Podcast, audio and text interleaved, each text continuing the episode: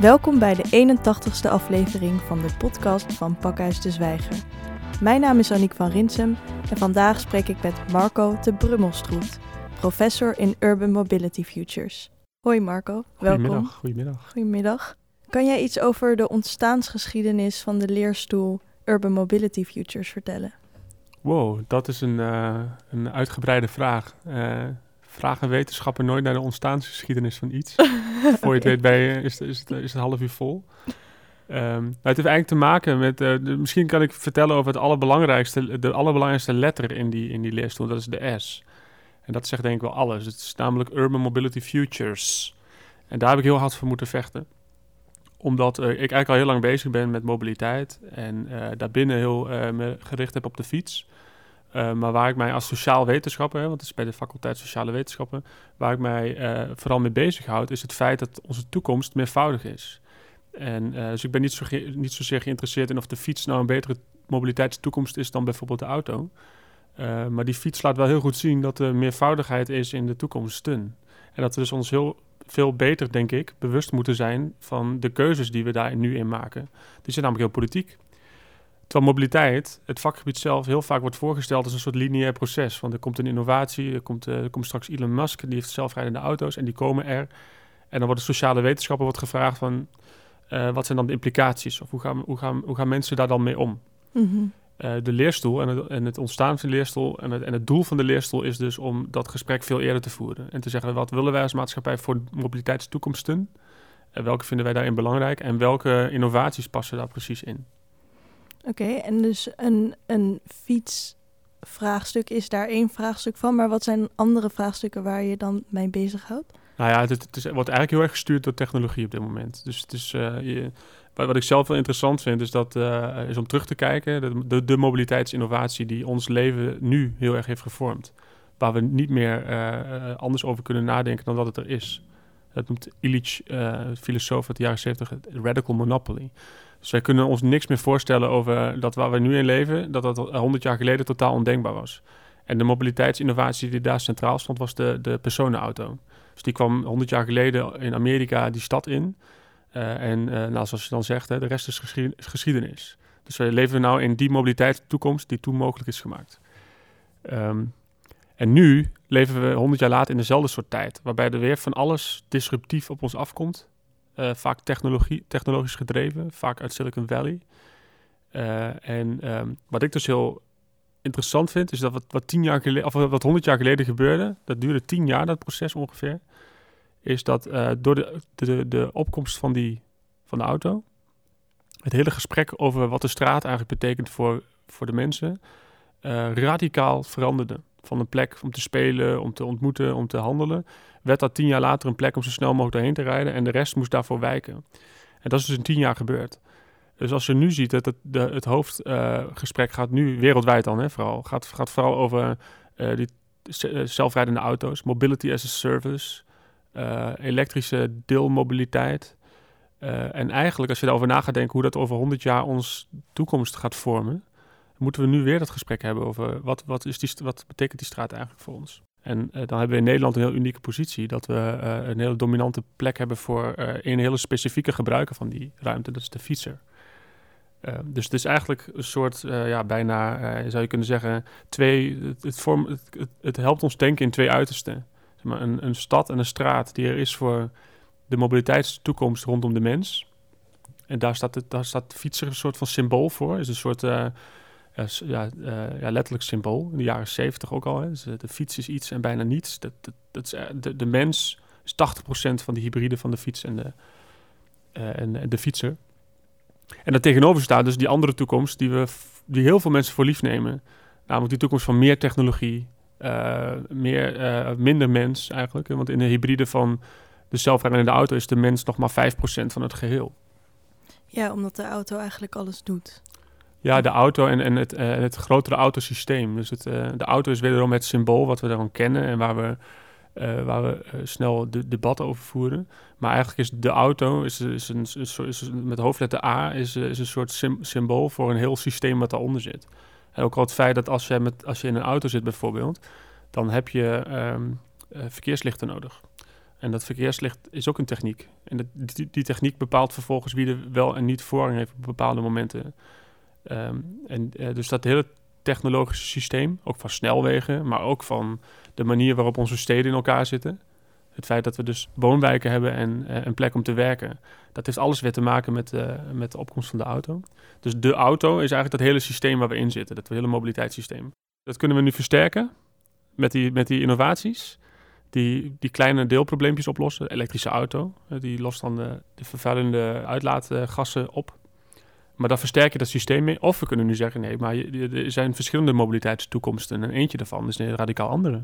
Daar kunnen we nu voor kiezen. Ja, want dus de manier waarop we mobiliteit hebben vormgegeven, daarin staat de auto eigenlijk bijna altijd centraal. En dus ook dat hele systeem eromheen. En het is dus op een gegeven moment historisch gezien een keuze geweest, waardoor we dus nu in die toekomst zitten waarin de auto centraal staat. Ja. En wat waren er toen der tijd de redenen voor dat we die keuzes hebben gemaakt? Ja, ik zou bijna uh, zeggen, die keuze hebben we helemaal niet gemaakt. Dat is ons helemaal niet gevraagd. Hè. Dat, dat gebeurt, dat proces. Het is een uh, uh, maar het is niet iemand van buiten, het is niet een alien die opeens zegt, jullie gaan nu de auto centraal stellen. Dat nee, hebben nee. wij wel als mensheid gedaan. Ja, maar dat is niet, uh, is ook geen referendum geweest, zal ik maar zeggen. Of, er is ook geen, uh, geen politiek uh, leider geweest die heeft gezegd, zullen we dat doen? Dus dat proces, dat vind ik ook zo interessant, de sociaal wetenschap, hoe dat dan gaat. In den beginnen gebeurt er iets. Dus die auto die komt die, die straat in mm -hmm. en, en, en heel, dat past eigenlijk niet goed. Want die straat die functioneert eigenlijk al millennia als een soort kleverige plek waar je vooral bent als je daar snel doorheen wil... Wat bedoel je met kleverige plek? Nou ja, een plek waar je, eh, die stroperig is, die, die zeg maar uitnodigt om te verblijven, om, om uh, te ontmoeten, om te spelen. Uh, en dus niet om snel doorheen te gaan. En dan komt die auto en die staat wel nodig. En dat botst, letterlijk en figuurlijk. Dus er komen heel veel mensen om het leven. Er ontstaat een, uh, een periode van heftig conflict eigenlijk. Voor welke tijd hebben we het nu? Het is 1920 in de Amerikaanse steden. Ja, dus in, in, in, in letterlijk in 1920 dacht iedereen, uh, inclusief de auto-industrie, ja, dit gaat dus niet werken. Het is een heel interessante innovatie, maar hij werkt niet. Uh, en, um, maar je, hebt dus dat conflict op dat moment. En dan ontstaat er wat wetenschappers noemen interpretive flexibility, of rhetorical flexibility. Dus je krijgt door dat conflict, krijg je een soort van um, momentum uh, ruimte om, uh, om een stevig debat te voeren over datgene uh, waar het over gaat, in dit geval de straat. en in de jaren 20 tot en met de jaren 30 was dat een gesprek tussen first principles, zoals dat heet. Dus het was echt een gesprek tussen wa wat is die straat eigenlijk? Is dat een plek die, die we moeten bes bespreken uit efficiëntie? Of is dat een plek die we moeten bespreken vanuit rechtvaardigheid? en als het rechtvaardigheid wordt, ja, dan heeft die auto geen plek. Maar als het efficiëntie wordt, dan hebben eigenlijk die kinderen geen plek. En dat gesprek vindt dan plaats. Dus daar is eigenlijk die keuze eh, bepaald. En op een gegeven moment ontstaan er uh, bijna toevalligheden. Dus in dit geval, uh, de mensen die voor rechtvaardigheid waren, die zeggen op een gegeven moment, die kiezen eieren voor hun geld. En zeggen, ja, ik ga wel mijn kinderen... ik vind dat de kinderen daar het recht hebben om daar te zijn. Het recht van het kind staat centraal. Maar ik ga wel mijn kind uitleggen op school, van ga niet voor een rijdende auto rennen, want dan ga je dood. En dat wil ik niet. En dan krijg je vervolgens dat dan de auto-industrie kan zeggen... ja, maar de kinderen krijgen op school uitgelegd dat ze veilig moeten oversteken. Dus in dat ongeluk, hè, waar nu de krant vol staat... daar heeft dat kind ook een bepaalde uh, verantwoordelijkheid uh, te nemen. dus we moeten dat kind nog beter helpen. We moeten zebrapaden maken, zodat ze daar kunnen oversteken. We moeten speeltuinen maken. Dat was ook een idee van toen, zodat ze niet meer op straat spelen.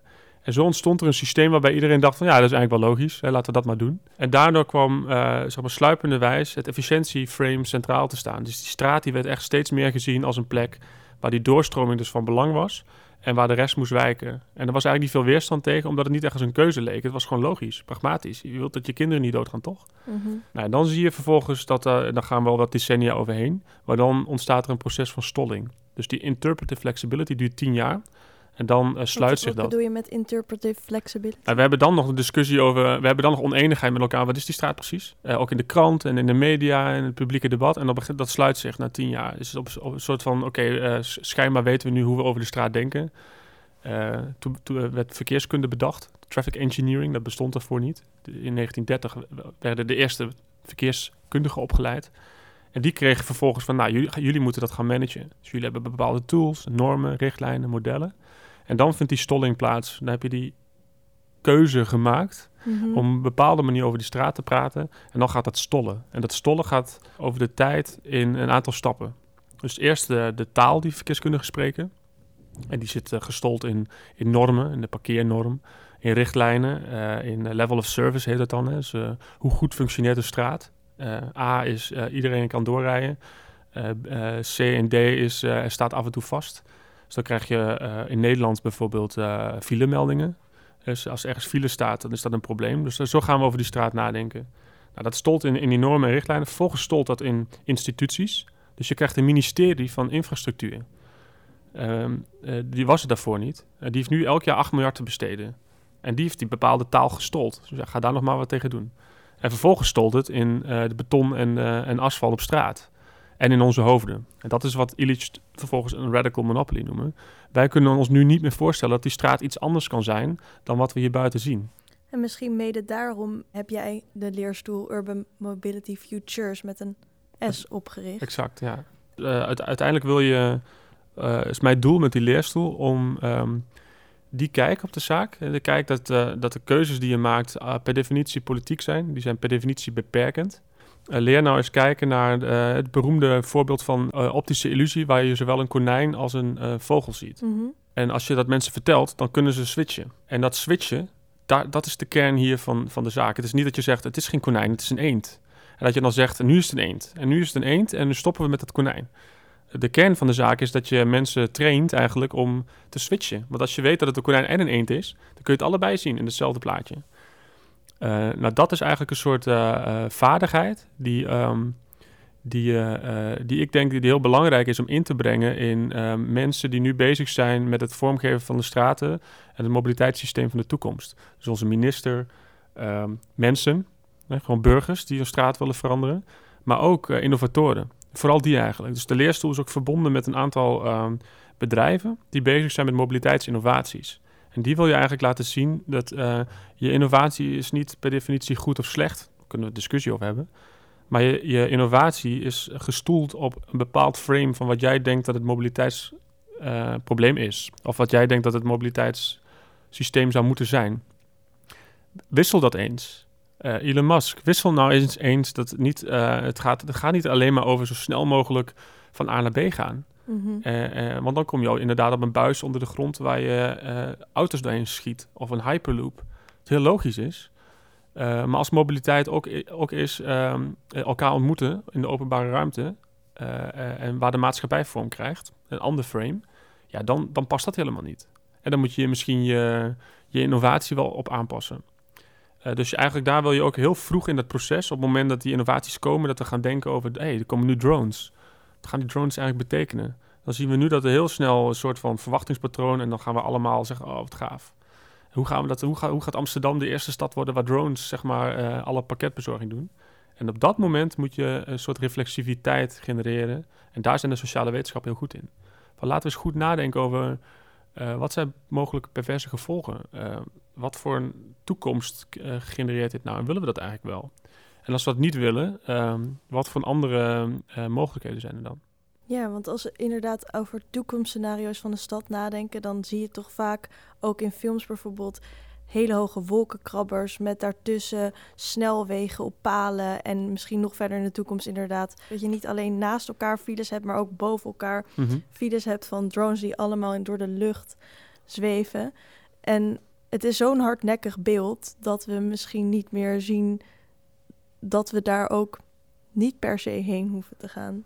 Ja, wat, wat, wat, wat ik het meest fascinerende vind hieraan is dat, uh, uh, dat, uh, dat die, dit is eigenlijk een, een uitkomst een vorm. Net als dat de auto een vorm is van een bepaalde toekomst waar we over nadachten.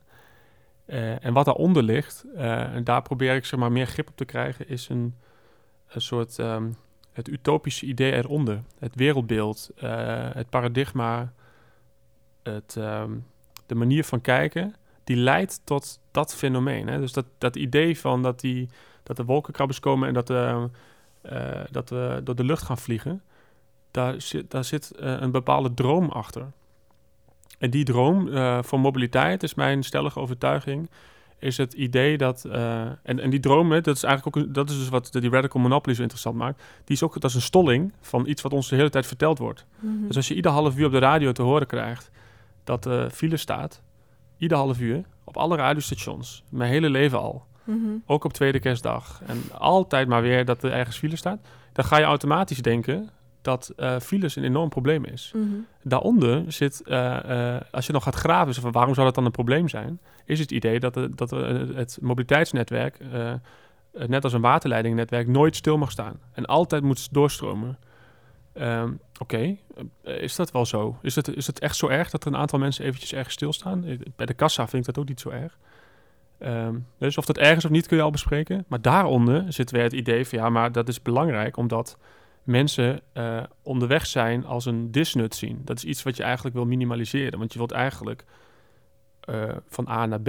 En je waarde, willen eigenlijk het liefst teleporteren. Precies. Dat is, de, dat is dan de einddroom, is dat we, heel, Mhm. of we helemaal niet meer reizen. Hè? Dat we alleen nog maar zoomen. Dat we allemaal thuis zitten. Eh, ik dat is weet de- niet of veel mensen als nou utopie hebben dat ze de- alleen nog maar aan het zoomen zijn. Nee, maar als je dus kijkt naar de afwegingsmechanismen van dat ministerie waar we het straks over hadden. Mhm. Dat afwegingsmechanisme ehm, om, de- om die 8 miljard te investeren gaat, eh, wordt gebaseerd op reistijdwinst. En het idee is dat je dus ergens investeert waar, waar je zoveel mogelijk mensen reistijdwinst geeft. Nou, we hebben nu in corona hebben we 100% reistijdwinst gehad. Ik had 100% reistijdwinst. Werd ik daar gelukkig van? Nee. Werd de maatschappij daar beter van? Eh, allerlei vra- nieuwe vraagstukken eh, riep dat op. Maar we gaan nu wel weer gewoon terug en we gaan de volgende komende jaren gaan we weer die 8 miljard besteden aan het idee van reistijdwinst. Dus daaronder zit een idee dat, eh, en daar, daar is waar de radical monopoly zich afspeelt, het idee dat wij mensen zijn die homo economicus zijn, die eh, heel rationeel ons nut maximaliseren. Dat doen we door van A naar of op A of op B te zijn. En daartussen tussen, dat, dat, eh, dat reizen is een disnut. Dat, dat is ooit een keer bedacht door iemand, dat idee, de homo economicus. Niet zo Mhm. heel lang geleden. Dat past heel goed in het, in het, eh, in het laboratorium van de, van de economische wetenschappen. Maar er, er zijn maar weinig economische wetenschappers die zeggen dat is een heel goed model die volledig verklaart hoe mensen in elkaar zitten. Nee, ja. Maar toch gebruiken we dat als een heel sturend ehm, wereldbeeld. Die vervolgens ook leidt dat mensen daar ook eh, in meegaan. Hè? Dat mensen denken, ja, maar er staan toch files, dat is toch erg? Of ik stond in de file, dat heeft mij 10 minuten reistijd gekost. Terwijl je denkt, ja, maar als je nou denkt van eh, een ander wereldbeeld, de homo ludens, de mens die blij wordt van spelen, of de homo urbanus, de mens die blij wordt van mensen ontmoeten. Ehm, als stel dat je dat zou nemen eh, dan, en, en je gebruikt dat om die 8 miljard per jaar te investeren, dan krijg je een heel ander systeem. Dus waar je naar wil graven met mensen is dat die diepste laag. En niet van is, eh, is de auto of de fiets beter, maar is eh, eh, hoe bepaal je dat nou?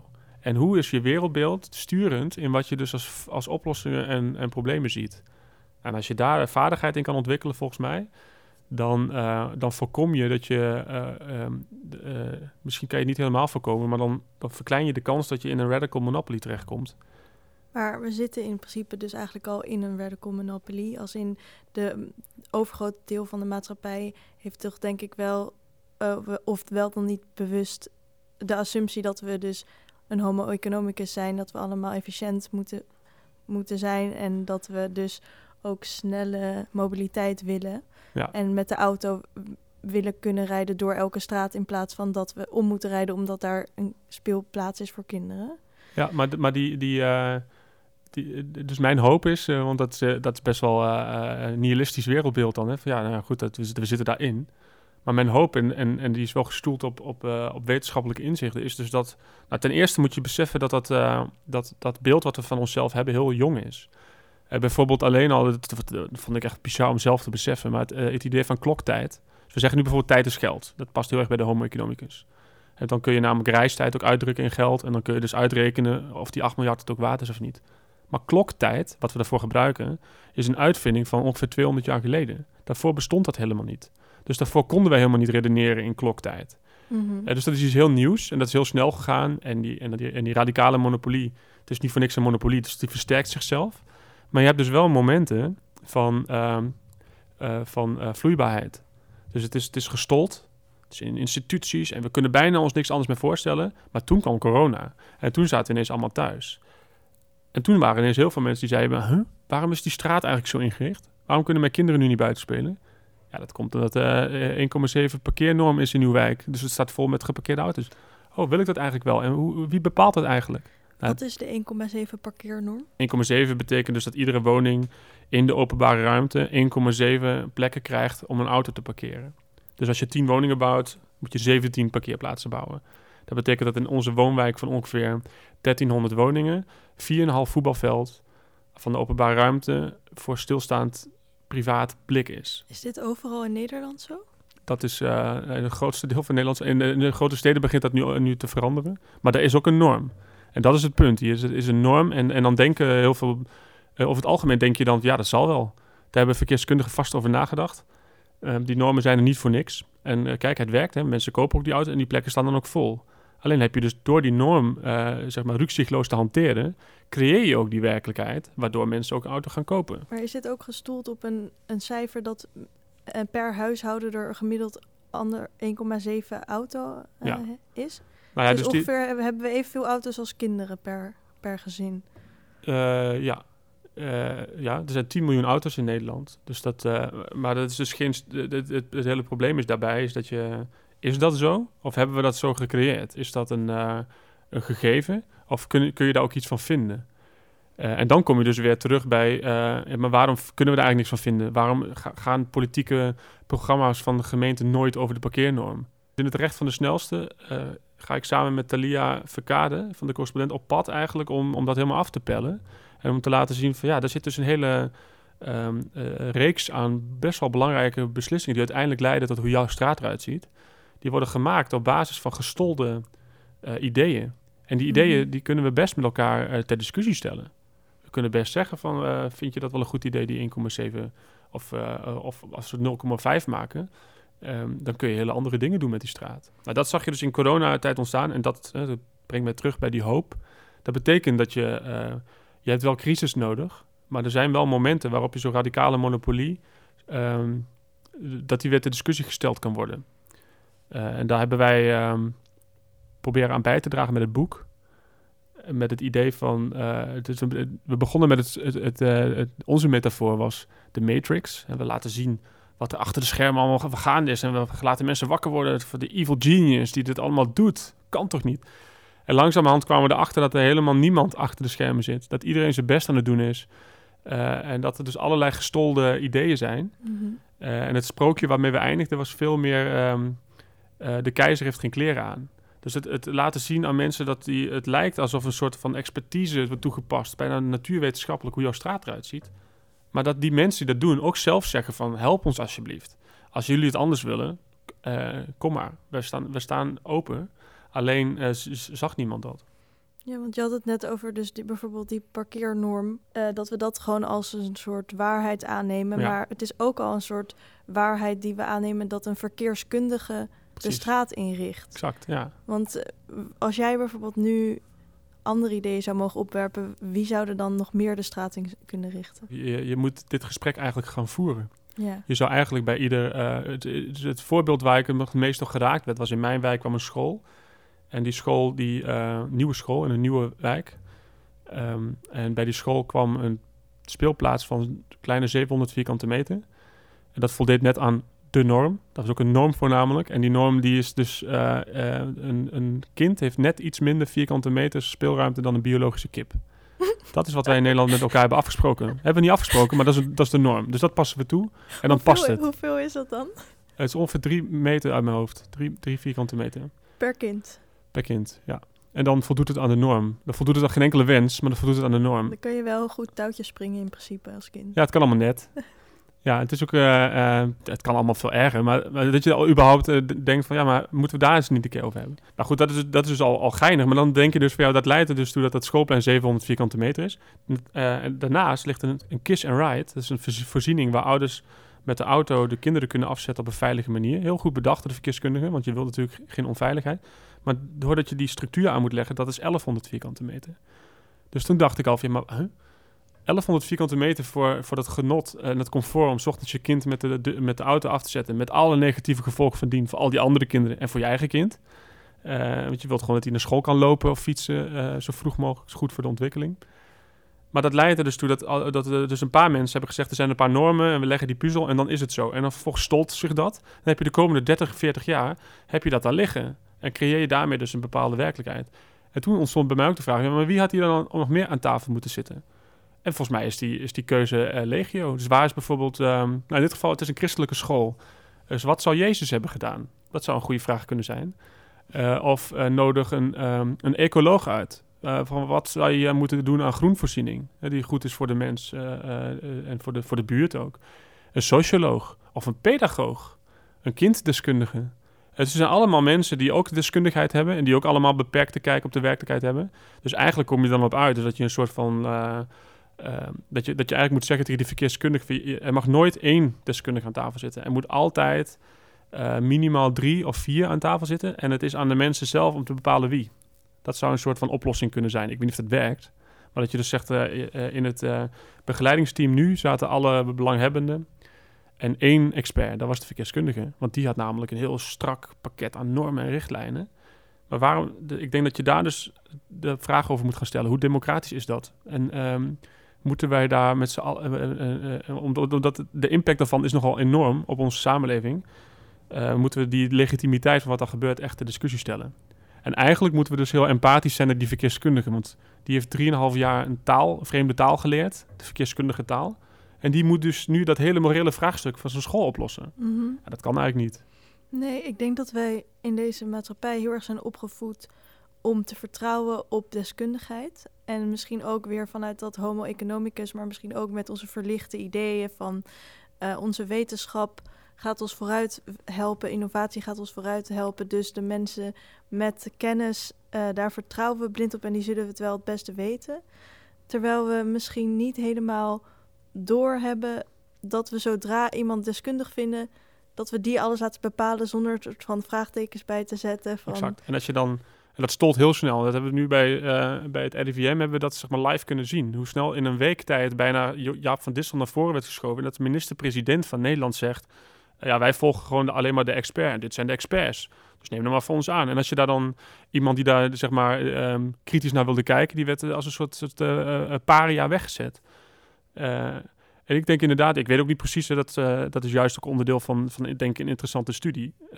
De verlichtingsideeën hebben daar een rol in.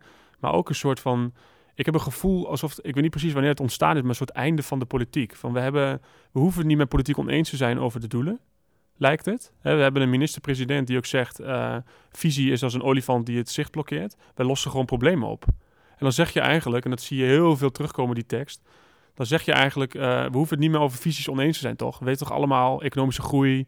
Uh, we weten allemaal dat het beter moet. Dat weten we. Daar hoeven we dus geen grote debatten meer over te hebben. Dus de debatten bij de Tweede Kamerverkiezingen, die gaan ook eigenlijk over, kleine dingetjes. En dan wordt het geframed als een soort van uh, wedstrijd, van wie heeft de meeste zetels. Terwijl het zou volgens mij moeten gaan over welke visie heb je op waar het land heen moet. En daar, moet je, daar zijn we het over oneens, toch? Daar moeten toch al die politieke partijen het echt radicaal met elkaar over oneens zijn. En daar komt daar een politieke um, keuze uit. En die kan iedere vier jaar veranderen. En die keuze stuurt vervolgens waar we heen gaan. En dat betekent dat jij, uh, als jij dat, het, daarmee dus het volk vertegenwoordigt, dat jij moet aangeven van dat is de richting waar we op heen. En dan ga ik experts vragen voor het hoe. Maar nu leggen we eigenlijk die, die uh, doordat we de waarom vragen en zo niet, niet met elkaar over hebben, leggen we de, de eindverantwoordelijkheid bij de expert die heel goed is in de hoe-vraag, denk ik, over het algemeen. Mm -hmm. Dus een verkeerskundige kan je heel goed uitleggen als jij een veilige straat wil. Dan weet de verkeerskundige heel goed hoe dat moet. Dus dat is, uh, daar is expertise heel belangrijk. Maar nu leggen we de, ook eigenlijk de, de, de keuzevraag van... Uh, ja, wat is eigenlijk belangrijk op straat, leggen we dus ook maar daar neer. Uh, dus dat is de um, soort van eindboodschap van... het recht van de snelste is dus niet het recht van de langzaamste... maar is het repolitiseren van, van de straat in, in ons geval die, die openbare ruimte moet gewoon politiek zijn. Daar moet je het over, met elkaar over oneens kunnen zijn. Uh, maar eigenlijk is het gewoon een voorbeeld voor uh, tal van dossiers. Ja, want het recht van de snelste is een boek wat je hebt geschreven met Talia Verkade. Um, en het stelt ook dat de manier waarop we ons verplaatsen heel veel invloed heeft op onze samenleving, maar ook zelfs hoe we met elkaar omgaan. Um, waarom heeft mobiliteit nou zoveel invloed op onze maatschappij? Eentje is dat het uh, letterlijk, uh, als je je deur uitloopt, bevind je in de openbare ruimte.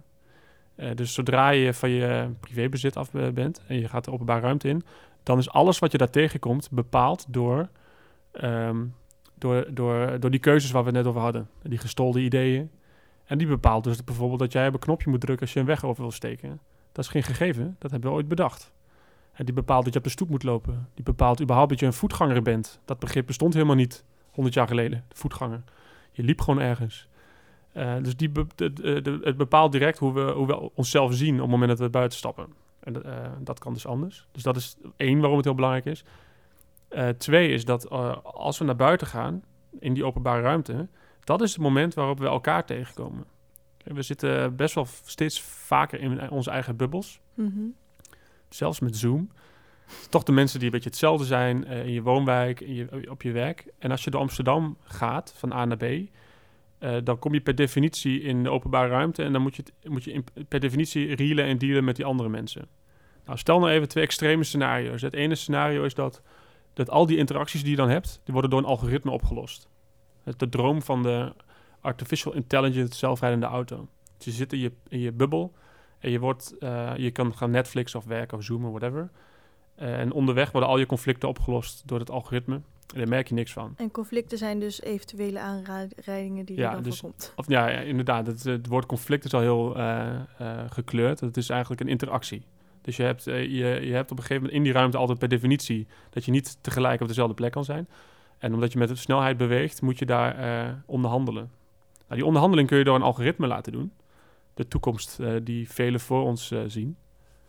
Uh, of je kan zeggen, het andere uiterste is, nee, al die onderhandelingen, dat is mens-op-mens onderhandeling. Dus je moet elkaar even aankijken, je moet informatie uitwisselen en je bepaalt vervolgens wie ervoor gaat. En dat, dat gaat soms goed, soms slecht, je wint en je verliest. En die twee uitersten, als je dat doordenkt, wat dat voor invloed heeft op hoe we, hoe we de anderen kennen. ze hebben daar een paper over geschreven, heet het die heet Traveling Together Alone en Alone Together.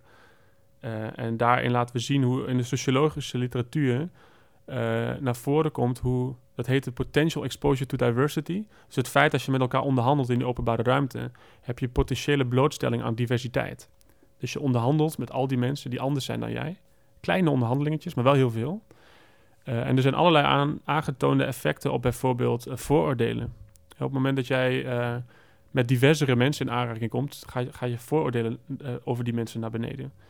Uh, je, um, je vertrouwen in elkaar gaat omhoog. Het gevoel dat je ergens bij hoort gaat omhoog. Het gevoel van plek. Het gevoel dat je Amsterdammer bent gaat omhoog op het moment dat je meer aan diversiteit wordt blootgesteld. Die effecten, hè, hoe moeilijk die ook zijn aan te tonen als je door de stad fietst. En iedereen kent wel een problematische interactie.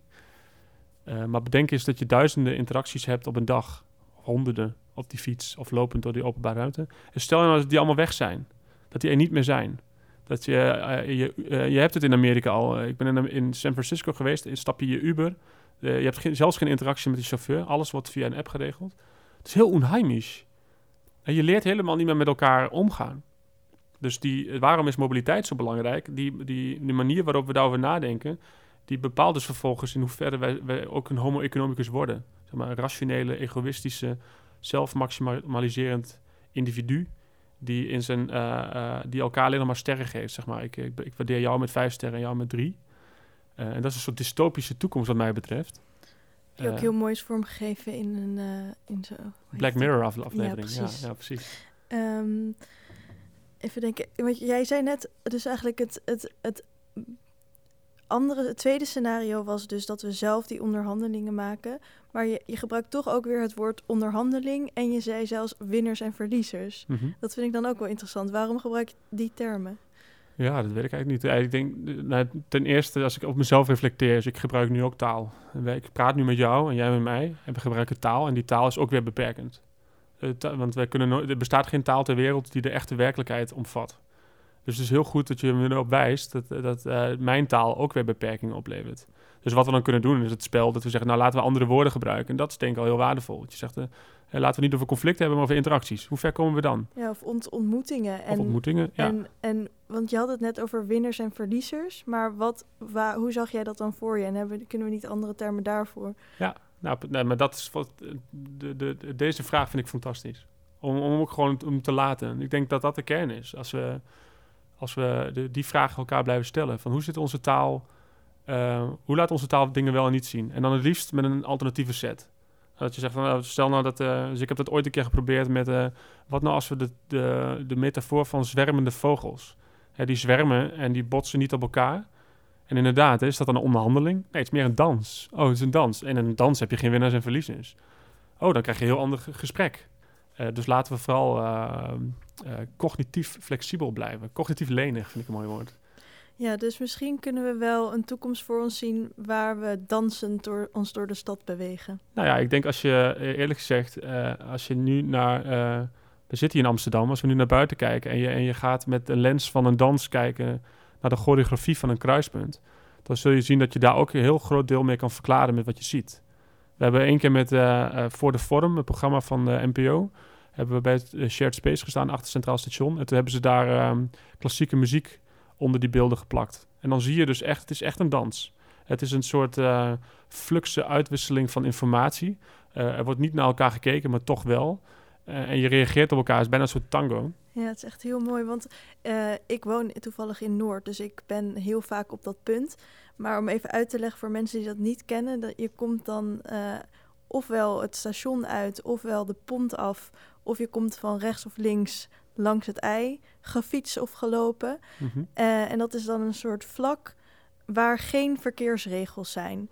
Dus je, je moet inderdaad zelf um, bepalen wie er voor gaat, hoe snel je gaat. Ja. Uh, en dat is inderdaad gewoon aanvoelen. Dat kun je dan bestuderen vanuit, dat gebeurt nu ook, hè, vanuit uh, werkt dat wel of niet?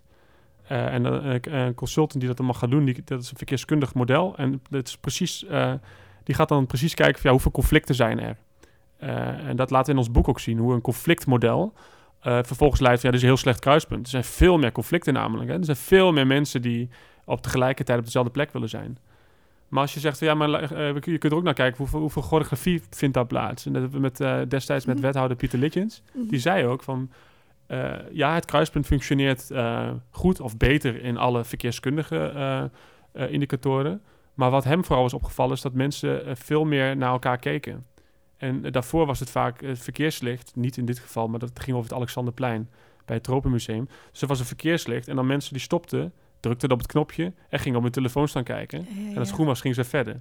En nu mhm. zie je daar ook een dans uh, plaatsvinden. Dus wat, ja, ik, ik, ik, denk dat, uh, dat je met, met je vraag van net heel mooi hebt, uh, hebt geraakt. Dus dat je de, alleen al met de taal van de dans en dan, want de dans is ook niet... Dat krijg je ook vaak, hè. Van, ja, maar het is toch helemaal niet leuk? Uh, ik heb liever dat het geregeld wordt, want... Uh, nou, ik, ik, ik, ken nog wel een anekdote van iemand die mij daar uitschold of zo. Ja, maar dat hoort ook misschien wel bij een dans. Het is niet altijd leuk, maar het is wel heel waardevol.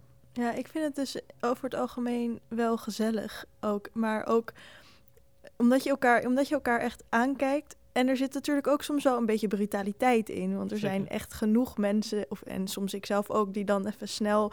of dat je toch even je eigen plek opeist. Maar op de een of andere manier gaat het eigenlijk altijd goed. En een beetje brutaliteit, daar kan iedereen ook wel tegen. Ik, zou, ik, zou, uh, ik heb toen ook wel eens voorgesteld, ik zou wat nog, wat nog zou verbeteren daar. Verbeteren wederom, hè. Van, uh, maar hoe het een, echt een andere ruimte kan worden, is als er ook uh, een uh, verblijfskwaliteit komt. Want het is nog steeds een plek waar, waar, waar, je weg moet. Waar, je, snel. Ja, dus stel nou dat je midden op het shared space een, een, een, schommel en een wipwap zou neerzetten. En je laat kinderen daar spelen. Ik denk echt dat je dan nog meer gedans krijgt. En uh, het zou een heel interessant experiment zijn. Want de, de, experimenten die Amsterdam nu aan het doen is, is een soort van. Nou, ten eerste zien we heel veel. is vooral een, zeg maar een heel oppervlakkig gevecht. Ruimte van de fiets naar de, van de auto naar de fiets ruimte van de fiets naar de voetganger. Oké, dat is prima. Uh, of interessant in ieder geval wat daar gebeurt. Tweede level is uh, het weghalen van verkeersregels. Zodra de auto weg is, kunnen we verkeersregels afschaffen. Dan kom je al ergens. Derde zou zijn um, uh, helemaal niet meer naar die straat kijken vanuit de lens van het doorstromingsperspectief. Want we hebben hier bijvoorbeeld de Savatistraat, Fietsstraat. Fietsstraat, iedereen blij. Want oh, de eindoverwinning. We hebben nu... de auto is daar te gast en de fietser is daar de, hoofd, uh, um, de, de hoofdgebruiker. Maar is dat nou echt een hele leuke straat daardoor geworden? Stel dat je daar woont.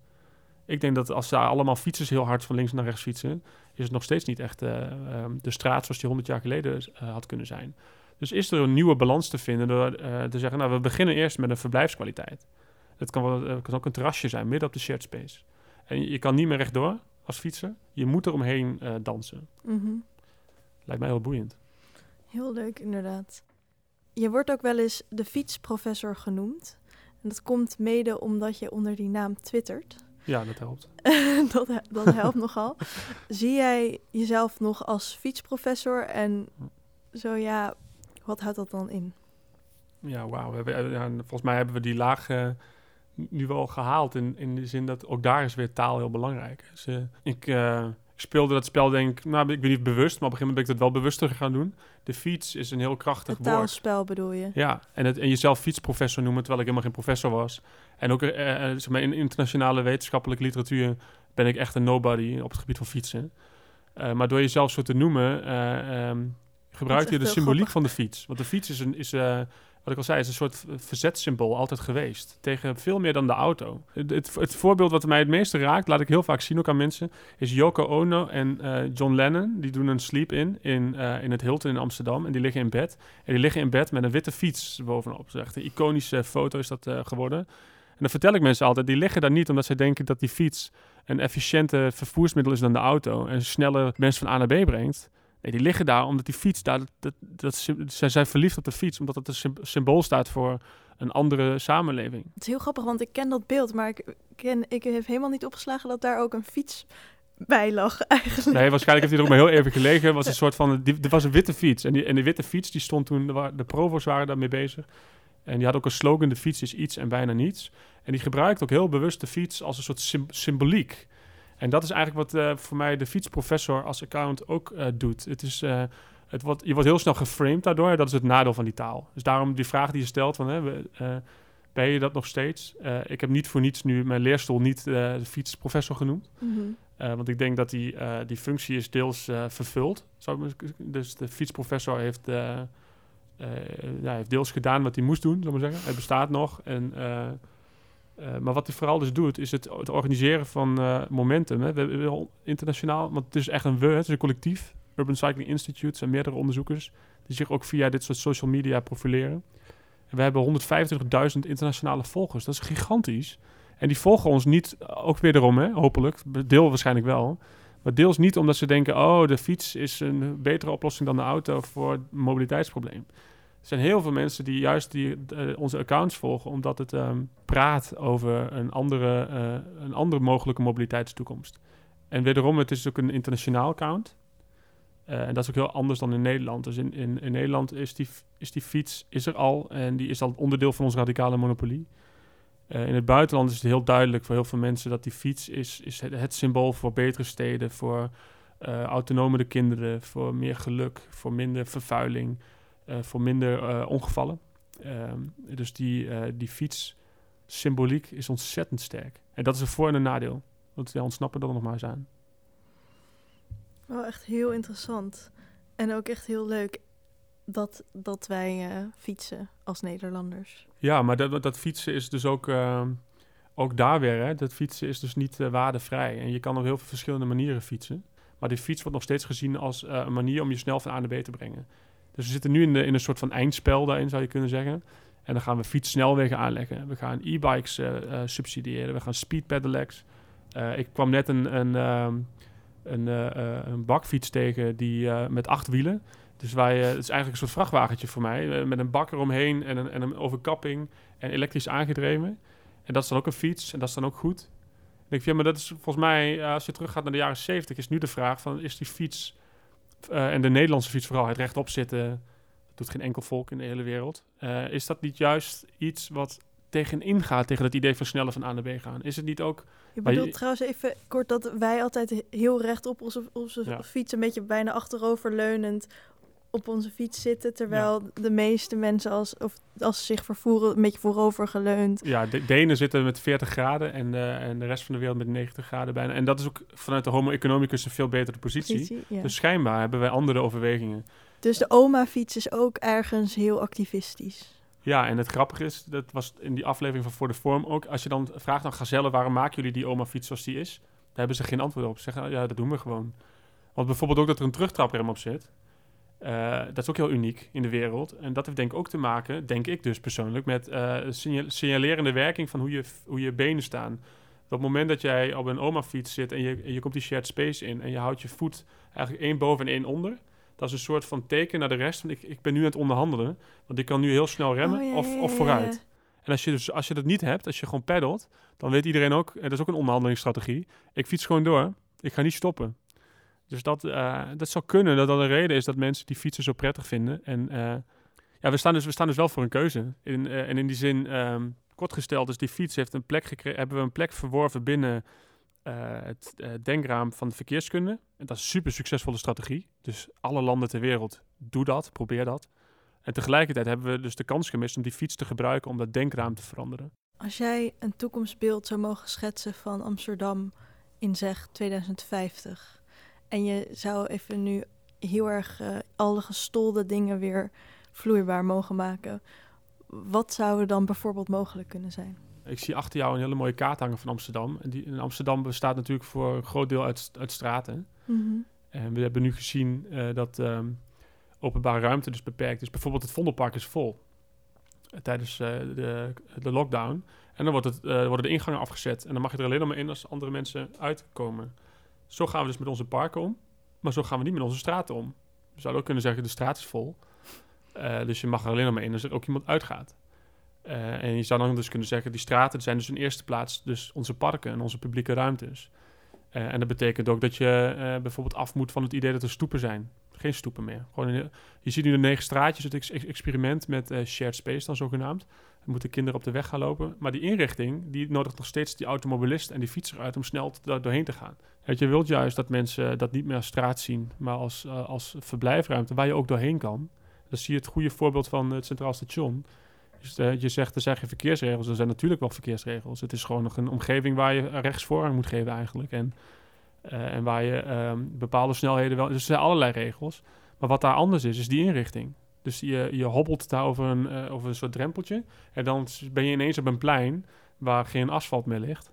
En dat creëert het idee van, nou, hier moeten we dus even met elkaar hielen en dealen. Dus ik denk dat wat, wat Amsterdam zou kunnen doen, is eh, zeggen, nou, die straten, die zijn ten eerste, die gaan we anders inrichten. Maar dan gaan we niet meer vragen aan de wethouder verkeer en mobiliteit. Dus hoe goed Sharon Dijksma ook is en hoe, goed we bezig zijn met uh, autoluwmakers. Waarom is het nog steeds het domein van de verkeerskundige om daar iets over te zeggen? Ik wil gewoon als bewoner bijvoorbeeld, hè, dat zie je in de, de Franse Halsbuurt, willen bewoners willen eigenlijk veel verder gaan dan, uh, dan, dan de, de, de overheid. Maar de, de overheid praat via de mond van de wethouder verkeer en mobiliteit. En niet vanuit de wethouder gezondheid of... Uh, dus Kunst en cultuur. Ja, bijvoorbeeld. Ja, of, of alle drie. En uh, die moeten dan met elkaar goed debat over voeren. Maar dit is dus... Uh, ja, dus... Maar je vraagt terecht van... Uh, je moet even uitgaan dat, je, dat het allemaal niet meer bestaat. Maar als dat dus niet meer bestaat... Ja, dan is eigenlijk ook het probleem opgelost. Want juist die stolling is het probleem. Dus ik denk niet dat er een betere... Dat ik nu kan zeggen van... Nou, laat mij dan maar een nieuw straatpatroon bedenken. En laten we dat overal maar doen. Overal parken, overal spelen. Want dan heb je het weer hetzelfde probleem. Dus je wilt eigenlijk dat... Je, je wilt een proces oplossing waarbij je zorgt dat die stolling niet plaatsvindt. Wat is daarvoor nodig? Ik doe dit proces nu met verkeerskundigen. Een masterclasses geef ik daarover met het boek in de hand. En elke keer komen we op hetzelfde uit. Wat er voor nodig is, is eigenlijk een, uh, uh, een uh, repolitisch, opnieuw politiek maken van de straat. Dus wat eigenlijk nodig is, is, is een buurtcommissie. Het, het, het, idee, en dat zie je in de Frans Halsbuurt ook, is dat je, dat je wat mag dat jij wat mag vinden van de buurt, en, uh, maar dat je, je daar wel voor moet organiseren. Want dat betekent ook dat je ook met conflicten moet omgaan. Want niet iedereen is het eens. Misschien is... het, het repolitiseren van dus keuzes die gemaakt worden, maar misschien ook het de-deskundige van de keuzes. Dus dat iedereen weer uh, zelf mag nadenken en niet meer een soort van expert gaan volgen zonder, zonder daar expliciet over te hebben nagedacht waarom ja, ze ja, en, en tegelijkertijd ben ik heel erg... Uh, ik ben niet tegen uh, een.